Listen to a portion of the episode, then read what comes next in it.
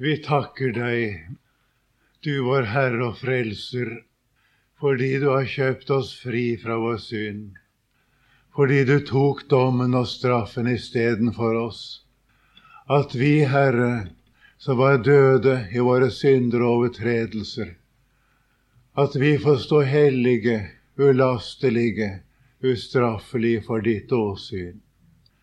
Om vi ikke er syndfrie i oss selv ennå, Herre, så står vi rene og syndfri, ulastelige for ditt åsyn, fordi vi gjelder i deg, Jesus. Og Herre, du ser at ofte vil dette forsvinne fra vårt blikk, og det blir mørkt for oss.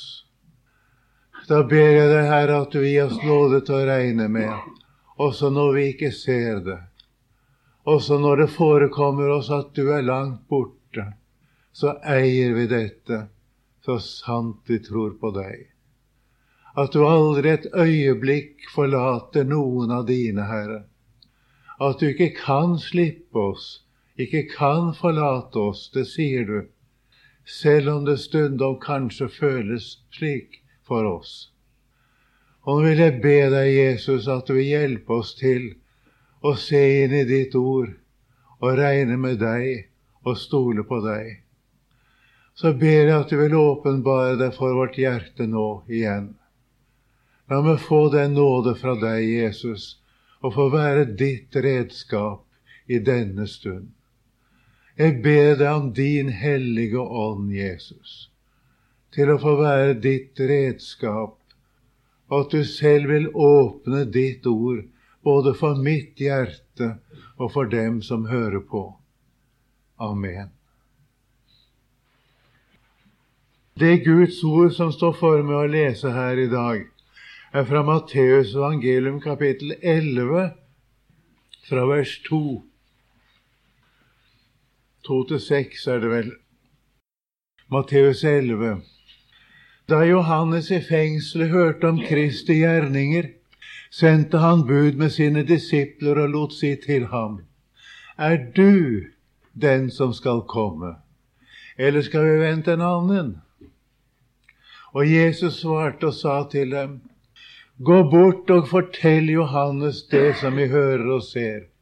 Blinde ser, og halte går, spedalske renses, og døve hører, og døde står opp, og evangeliet forkynnes for fattige.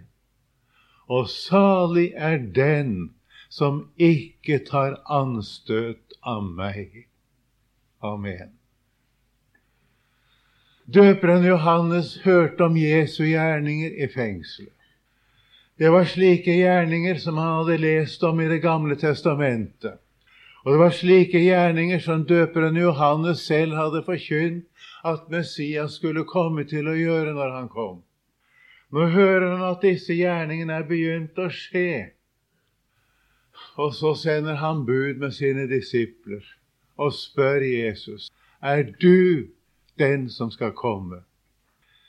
Det er vanskelig å forstå dette, kanskje. Og mange har sagt det kan jo ikke være døperen Johannes som kan være kommet i noe tvil. Det må vel bare være for disiplenes skyld at han sender dette budet til Jesus, for å vende sine disipler fra seg og til ham. Og sikkert nok er det at det hadde stor betydning for døperens disipler, dette. Men etter grunntekstens ord så står det så forunderlig. Det står ikke at Johannes lot dem si, men det står at han lot dem si det som egentlig er Johannes' egen tale. Det fremgår av den måten det er sagt på i grunnteksten. Og Da kan vi ikke gå utenom det spørsmålet hvordan kan det ha seg at en mann som Johannes at han sender et slikt bud til Jesus. Og dermed er vi inne på et veldig viktig spørsmål. Kan en kristen komme i tvil? Kan en som har opplevd noe, komme i tvil? Det blir jo sagt, og jeg hører det ofte nå at det sier at de som kommer i tvil, de har aldri sett noe. De har aldri opplevd noe. Hvis de virkelig hadde opplevd noe med Jesus, virkelig hadde fått se ham, så kom de da ikke i tvil. Da kan vi se på døperen Johannes. Det er ingen som har hatt en slik opplevelse av hvem Jesus er, som nettopp døperen Johannes. Han sto nå frem og pekte på Jesus og sa, Se der, Guds lam som bærer verdens synd. Og sier om ham, det er han om hvem jeg sa, etter meg kommer en mann som er kommet foran meg, fordi han var før meg. Dermed sier Johannes i virkeligheten, han er fra evighet. Han eksisterer før meg. Han har eksistert bestandig. Og han som kommer etter meg, det er nettopp han som er fra evighet. Det ligger i det vitnesbyrdet. Og litt lenger ute så står det at han vitner og sier Han som sendte meg for å døpe med vann. Ja, først sier han jeg kjente ham ikke. Men han som sendte meg for å døpe med vann, han sa til meg, Den du ser ånden komme ned og bli over, han er den som døper med Den hellige ånd. Og jeg har sett det, sier han. Jeg har sett det, og jeg har vitnet at han er Guds sønn. Det er ganske underlige ord. Døperen Johannes døpte Jesus i Jordan. Han kjente ikke Jesus før den tiden. Og da, Johannes, da, da, Jesus kom til døperen Johannes for å ta dåpen, da nektet han ham til å begynne med. Og det er helt logisk. Den dåpen som Johannes døpte med, var en dåp for syndere, og som kunne bare skje i og med en synsbekjennelse. Og der holder døperen på med sin virksomhet ved Jordan. Her kommer en soldat og bekjenner sine synder og blir døpt. En tyv kommer, bekjenner sine synder og blir døpt. En skjøge på samme måten. Og der kom jo alle slags folk, unntagen de religiøse autoriteter. De kom bare for å være tilskuere. Men der kom alle slags folk, bekjente synd, ble døpt på sin syndsbekjennelse. Som det står i Matteus 3,6.: De ble døpt av ham i elven Jordan idet de bekjente sine synder. Så kommer det altså en som døperen ikke har kjent, iallfall ikke annet enn rent menneskelig i så fall. Og så har han, som han jo måtte ha med alle, prøver å ha en sjelesørgerisk samtale med han også. Men nå blir han klar over her står den syndfrie. Han skjønte det da han sto ansikt til ansikt med Jesus. Her står han som Gud har varslet med om skal komme. Han var jo blitt varslet om at en dag skal en komme, han som døper med Den hellige ånd. Og nå skjønner han. Det er han som kommer her. Han som Faderen har varslet meg om skal komme. Han er her nå. Han er den syndfrie. Og så sier han, 'Nei, jeg døper ikke deg'. Hva skal den syndfrie i en dåp som skjer med synsbekjennelse? Da svarte Jesus, står det, la det nu skje. Jeg siterer ordrett nå efter oversettelse. La det nu skje, for således sømmer det seg for oss å fullbyrde all rettferdighet. Slik må det leses. Det må ikke leses sånn 'la det nu skje'. Da leser du galt. Men du må lese 'la det nu skje'. For dette 'nu' betyr i grunnteksten 'denne ene gang'. Det betyr det som skjer nå, har aldri hendt før og kommer aldri til å gjenta seg. Det er altså noe som skjer en eneste gang i verdens historie. Jeg skal innrømme det var veldig vanskelig å få det oversatt sånn umiddelbart skjønner det. Men det er det døperen altså sier. Eller det er det Jesus sier til døperen. La det nå skje, for den ene gangs skyld. Døperen forstår det vel ikke, men så lar han det skje. Og så døper han Jesus i elven Jordan, og så skjønner han plutselig Jesus, den syndfrie, blir døpt på en syndsbekjennelse. All verdens synd bekjenner jeg som min, sier Guds sønn. Jeg vet ikke om han sa det med de ord, men i kjensgjerning sa han det. All den synd som er gjort fra Adam til det siste mennesket, den bekjenner jeg som min. Krev meg for den. Det er Jesus som skal gå til sin gjerning. Og før han kan gå til sin offentlige gjerning, må han passere gjennom denne dåpen. Da Jesus steg opp av vannet, så skjer det noe. Og se, står det, himmelen åpnet seg for ham. Er det ikke underlig? Da Adam og Eva hadde syndet, ble det lukket og stengt veien inn. Når Jesus kommer, så blir himmelen åpnet. Der hvor synden blir tatt bort, blir himmelen åpen for mennesker. Han så Guds ånd fare ned som en due og komme over ham. Ånden er den som vitner, står det om dette i Johannes første brev. vet du. Det leste jeg her forleden dag. Og så kom det en røst. Se, det kom en røst fra himmelen. Det er Faderen som taler. Dette er min sønn, den elskede.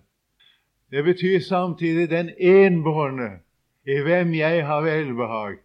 Og det betyr egentlig i hvem jeg efter mitt evige råd har utvalgt til dette. Så dette hører døperen. Han opplever hvem Jesus er. Han står frem etterpå og peker på Jesus og sier, 'Se der, Guds lam som bærer verdens synd'. Og Jesus måtte bære våre synder på sitt legeme. Han kunne ikke stille dem fra seg noe sted.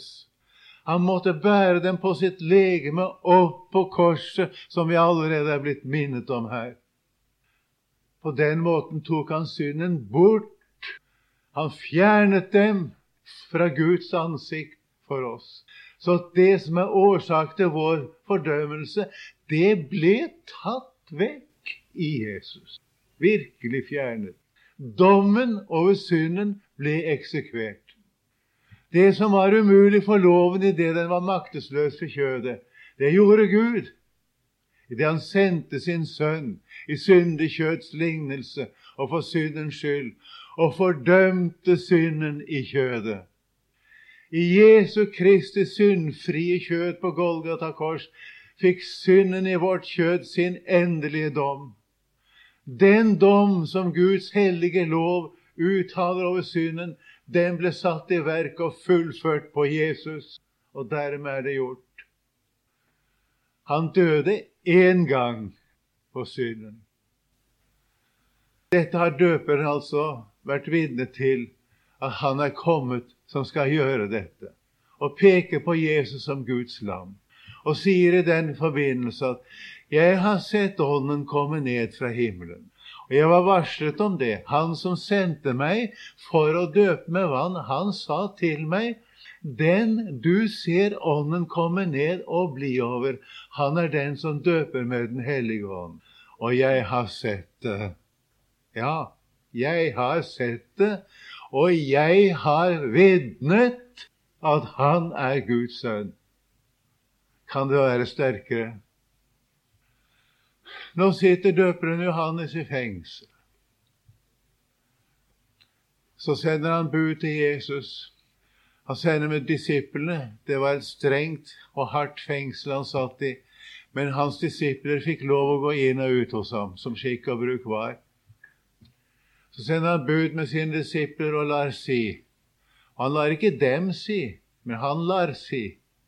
Er du den som skal komme?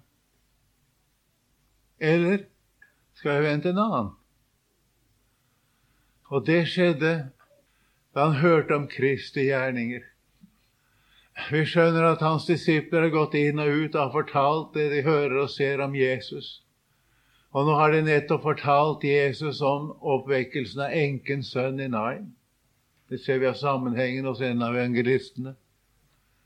Så er det som det liksom flyter over for døperen Johannes. Prøv å tenke deg hans stilling. Døperen Johannes var Jesu forløper. Han hadde et kall fra Gud som ingen annen har hatt. Han sier jo det også der i Johannes 1, som jeg siterte fra. Jeg kjente ham ikke, står det, men for at han skulle åpenbares for Israel. Derfor er jeg kommet og døper med vann. Johannes visste at hvis ikke han var kommet, hadde fullført sin gjerning, så kunne ikke Jesus blitt åpenbart for Israel.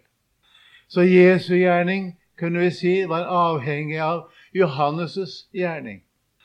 Og Johannes hadde vært tro i sitt kall. Og fordi han var tro i sitt kall, ble han kastet i fengsel. Han sa sannheten til landshøvdingen, til fyrsten, og det ble ikke tålt, dette. Så ble han kastet i fengsel, og der blir han sittende.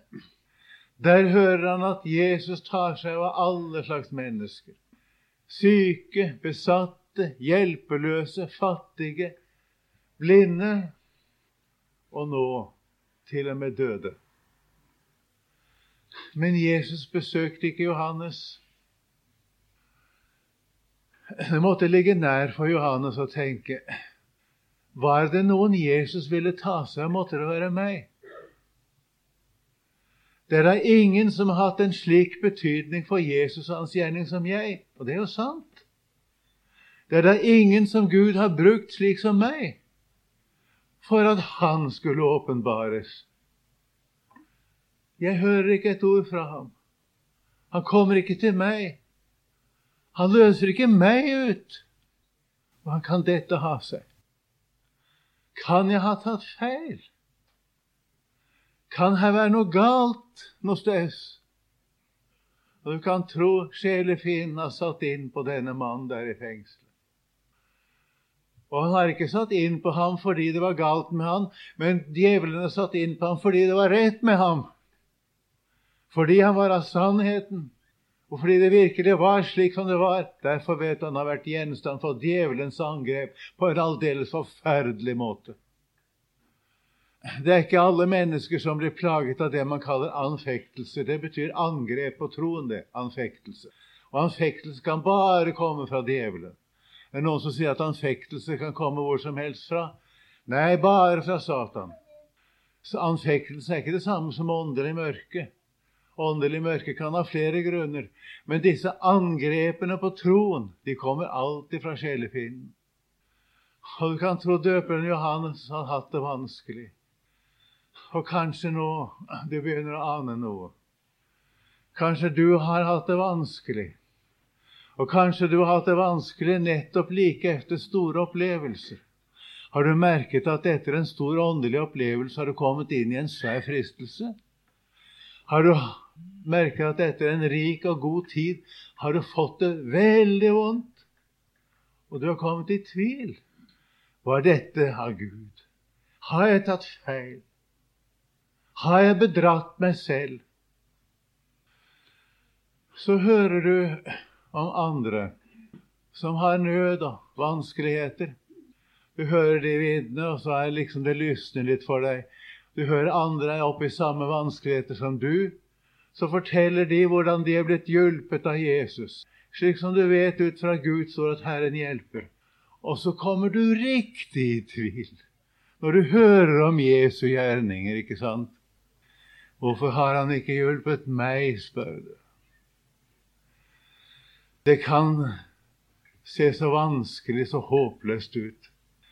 Nå vet ikke jeg hvor personlig en kan være når en taler Guds ord.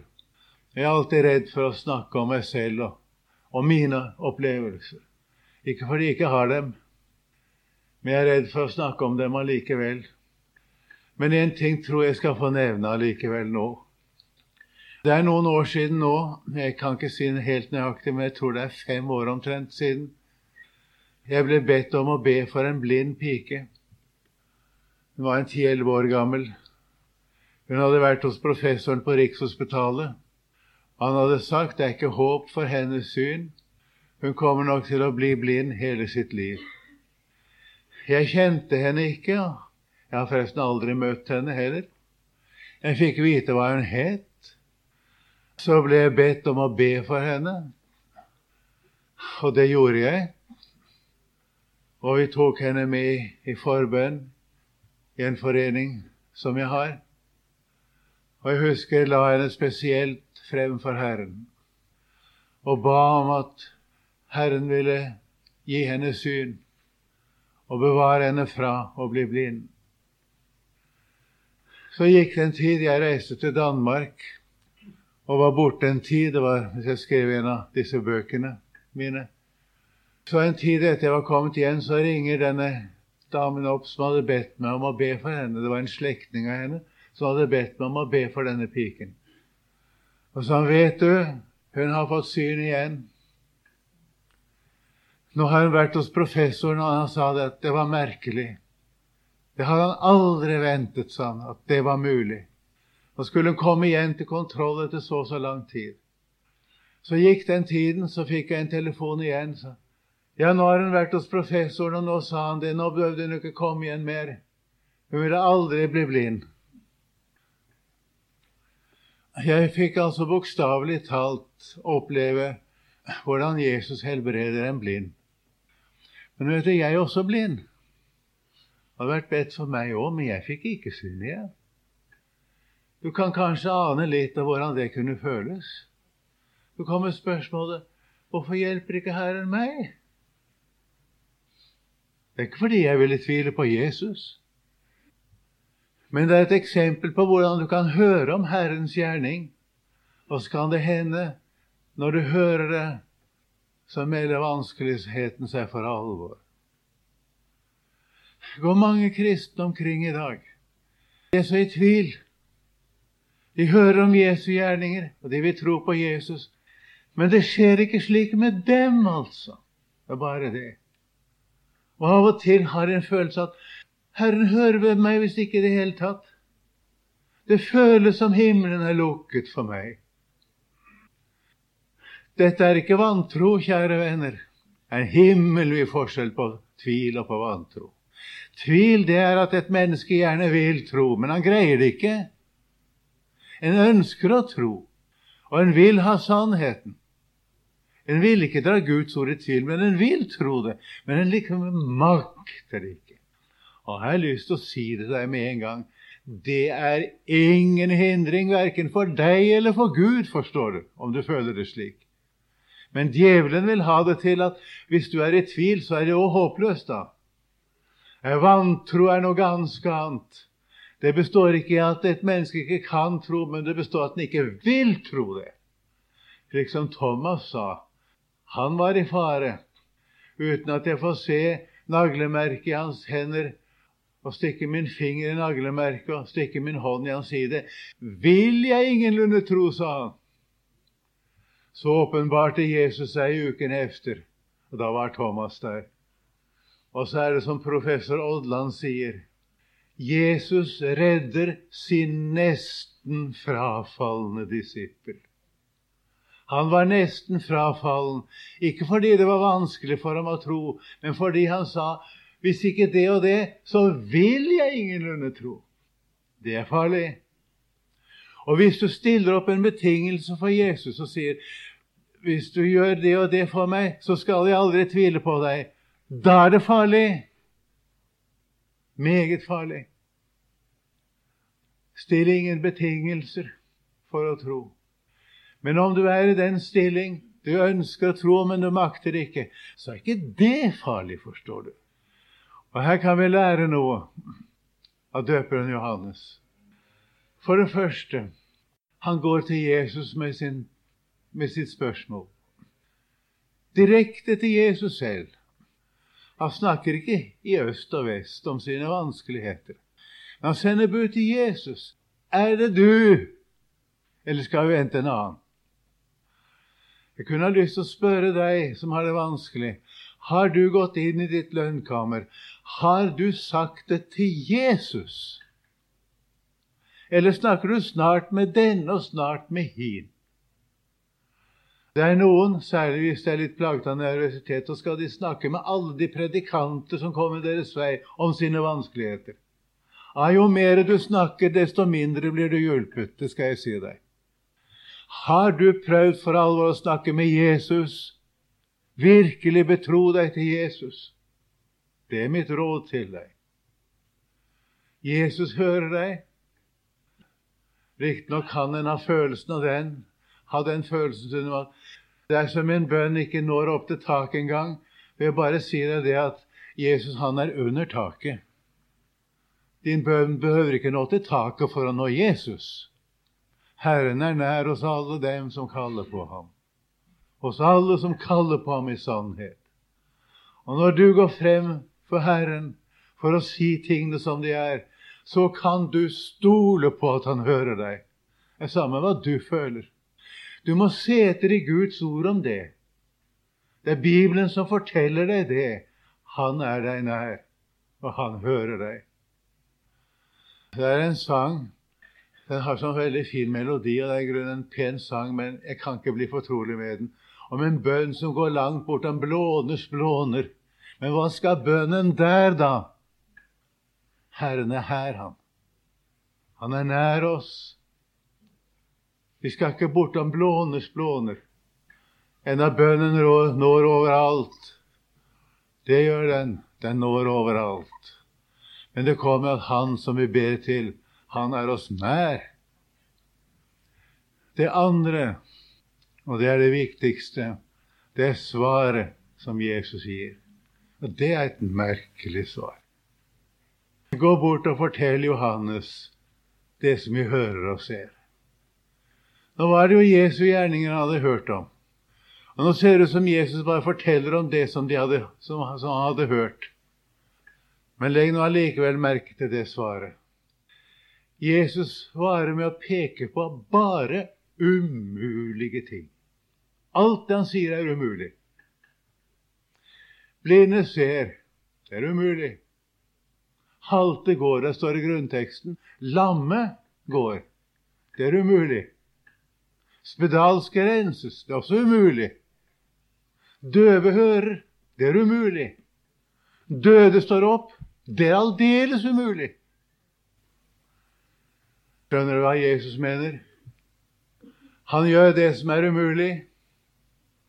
Døperen var i en umulig situasjon, og døperen har skjønt svaret. Det gjør ikke noe om en er i en umulig situasjon hvis en setter sin lit til Jesus.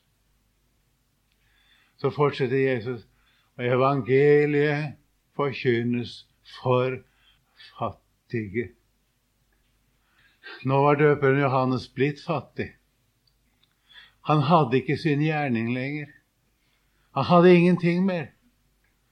Det som Gud hadde brukt ham til, og det som Gud hadde gitt ham, det som Gud hadde utrustet ham med, var som det ikke var der mer. Evangeliet var for ham nå, ja. Og han, han skulle tro på Jesus, han. Som en hjelpeløs og fortapt synder tror på Jesus, skal han tro på Jesus. Og så sier Jesus, salig er den som ikke tar anstøt av meg. Ja, salig er den som ikke tar anstøt av Jesus. Han handler annerledes med oss enn vi tenker. Og jeg nevnte det at Herren har ikke gitt meg syn igjen. Men du kan tro han har hørt bønnene. Og det skal jeg si det han har gjort. Og at han har sendt hjelp. Jeg kunne ikke ha stått her ellers. Hvordan kunne jeg reise landet rundt, og i andre land også for den saks skyld, og ha undervisninger på Fjellhaug uten å kunne se og uten å ha hjelpemidler hvis ikke Herren hadde svart på bønn. Jeg må vel ha lov å si at det at jeg har fått lov å stå i Herrens gjerning nå i 13 år uten å se, det er større under det, kjære venner, enn om han hadde gitt meg syn igjen. Herren hører. Herren er nær oss alle dem som kaller på ham. Og han stiller vår tro på prøve. Og når vår tro stilles på en prøve, så ser det ikke ut for oss som det er en prøve, men det føles for oss som Gud skulle ha forkastet oss. Som det skulle være den eneste rettferdige følge av vår synd og utroskap at Han forkastet oss. Slik føles det. Vi ser bare elendighet. Men det kommer av at evangeliet forkynnes for fattige. Alt det du ikke er, det er Jesus. Alt det du ikke har, det har Jesus. Og det gjelder for deg. Og Jesus står vi for Gud, som vi hørte her, som om vi aldri hadde gjort en synd.